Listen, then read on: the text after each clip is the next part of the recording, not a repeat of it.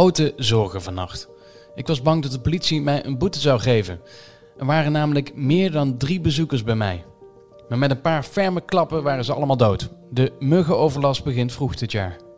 Dit is Achter het Verhaal, een podcast waarin ik, Kevin Goes, in gesprek ga met de makers van de verhalen in onze krant en op de site. Zo spreek ik vandaag met Chris van Mersbergen over een Nederlandse vrouw bij wie de hele wereld over haar schouders meekijkt bij het ontwikkelen van een vaccin voor het coronavirus.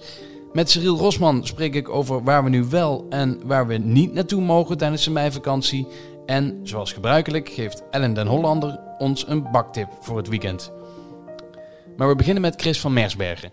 Een van de bedrijven die druk bezig zijn met de ontwikkeling van een vaccin tegen COVID-19 is CureVac uit Duitsland. En Chris die vond daar een Nederlandstalige ingang. Ik luisterde toevallig ook een andere podcast uh, van de New York Times, The Daily.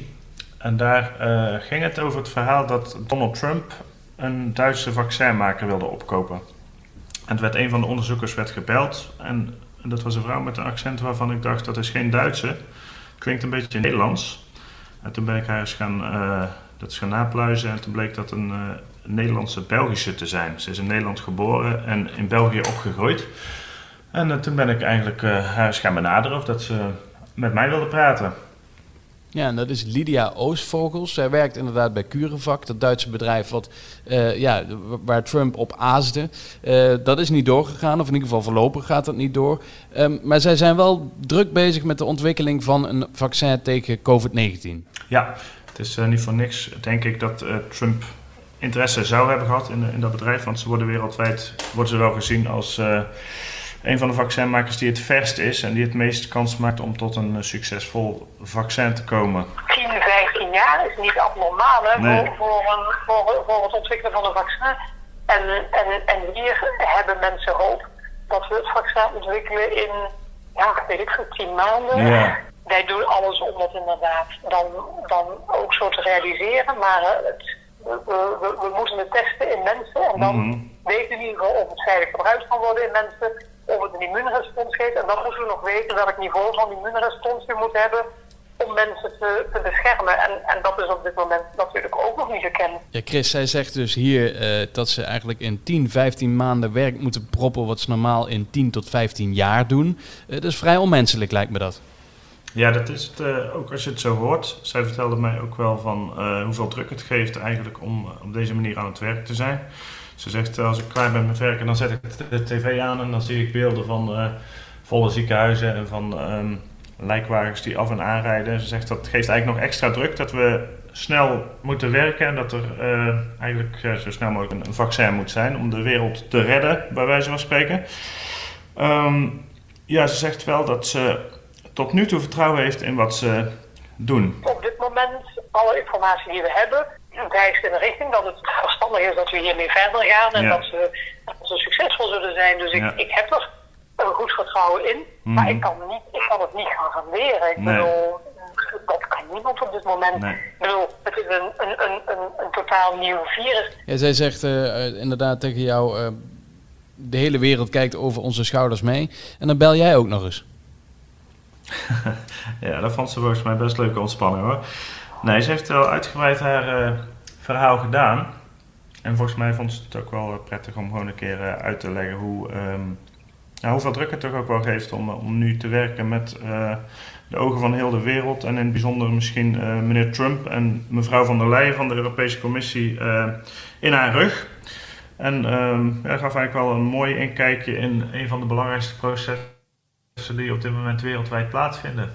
Het hele verhaal van Chris van Meersbergen is te lezen in onze zaterdag- en zondageditie en natuurlijk op de site. Chris, dankjewel. Ja, graag gedaan. Het wordt dit weekend uh, prachtig weer. Ja, morgen wordt het ietsje minder, maar zondag en maandag worden twee uh, zonovergrote dagen zoals het eruit ziet. En vooral dan uh, Koningsdag is voor de eerste keer sinds Koningsdag bestaat, wordt het eindelijk zonnig, eindelijk mooi weer. Ja, en we mogen dan niet naar buiten.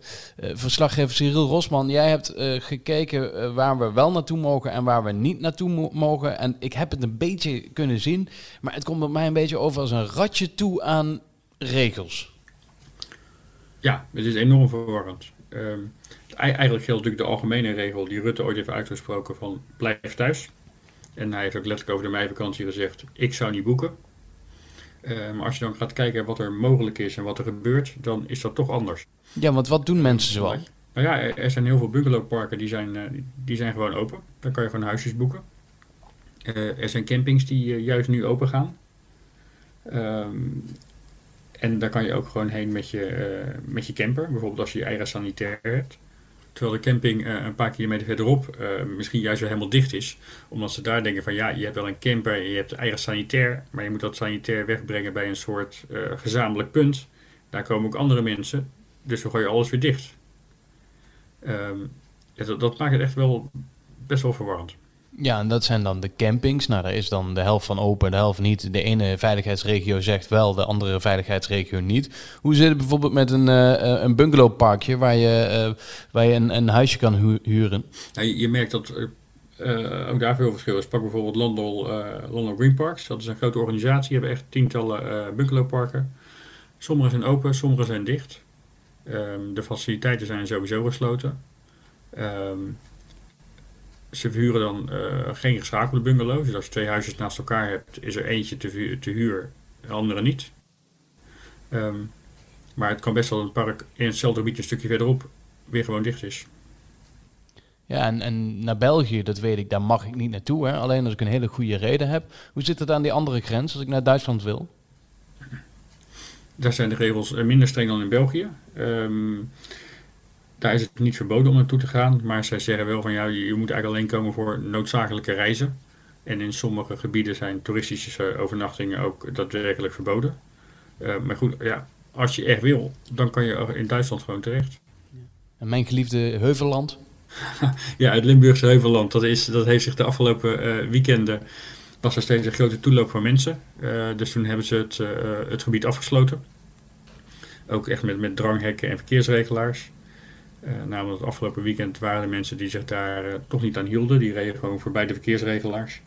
Uh, toen is de politie daadwerkelijk boetes gaan uitdelen. want ze willen daar gewoon geen, geen, geen, groepen wandelaars of wielrenners, niet te veel mensen. Ja, maar wel in, in een Landal Green Park mag je daar wel zitten dan? ik weet niet of die lokalen daar open zijn, maar als die daar open zijn, dan kan je daar gewoon boeken inderdaad. Ja.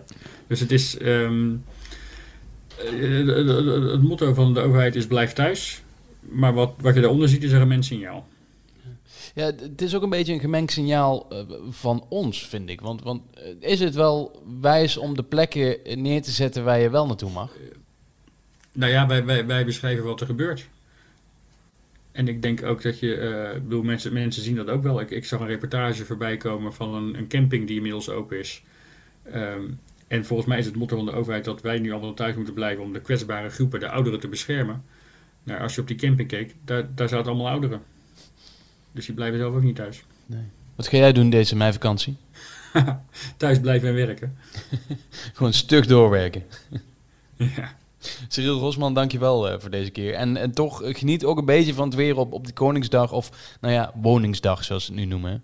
Ja, ik ga het proberen, Kevin. Dank je. Zoals iedere week uh, sluiten we deze podcast ook weer af met een baktip van Ellen den Hollander van de sectie Koken en Eten. Uh, Ellen, ik zag jou gisteren druk in de weer met allerlei chocola. Dat, dat wekte mijn interesse. Wat, wat heb je gemaakt? Nou, ik heb een Franse chocoladetaart gemaakt. En die taart die ziet er heel makkelijk uit. Er zit geen bloem in, dat uh, sprak me wel aan. Ik dacht, dat is lekker luchtig. En nou, op zich is die ook wel lekker geworden, maar niet helemaal zoals op het plaatje. Oeh, een tegenvaller. Ja, ik viel mezelf tegen. Wat heb je verkeerd gedaan dan? Ja, ik denk dat ik hem iets te lang erin heb laten zitten. Ja. En uh, misschien ook iets te heet. Dus ik ga hem nog een keer proberen dit weekend. Dus dan de tweede baktip die ik wil geven is eigenlijk geen baktip. Maar wel eentje die, nou ja, makkelijker kan echt niet. En dat is panna cotta. Dat is eigenlijk geen bakken, maar meer, ja, uh, koken en koelen. En het is zo lekker. Super lekker. Waar, uh, waar, waar, waar, kan ik die vinden? Want ja, ik ben echt, echt een kluns in de keuken hoor. Dus uh, waar moet ik dit vandaan halen? Nou, deze kan niet mislukken, Kevin. Echt uh, super makkelijk. Dat is een boek van Janneke Filippi. En dat boek heet Desserts bij Janneke Thuis. En ik ga ze natuurlijk op de site zetten, alle twee. Kijk, dan kunnen we ze daar vinden. Daar kun je deze podcast ook vinden. En onze podcast kun je ook vinden op Spotify en op uh, Apple Podcast. Uh, wij zijn er volgende week weer. Een uh, heel fijn lang weekend gewenst. En Ellen, volgende week ben jij er ook weer, hè, denk ik.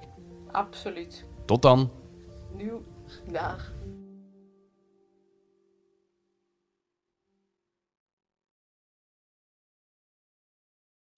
We worden dagelijks overladen met overbodige informatie. En het is moeilijk de zin van de onzin te scheiden. Daarom vertrouw ik op echte journalisten in plaats van meningen. Een krantenmens heeft het gemakkelijk. Word ook een krantenmens en lees je favoriete krant nu tot al zes weken gratis. Ga snel naar krant.nl. Bezorging stopt automatisch en op deze actie zijn actievoorwaarden van toepassing.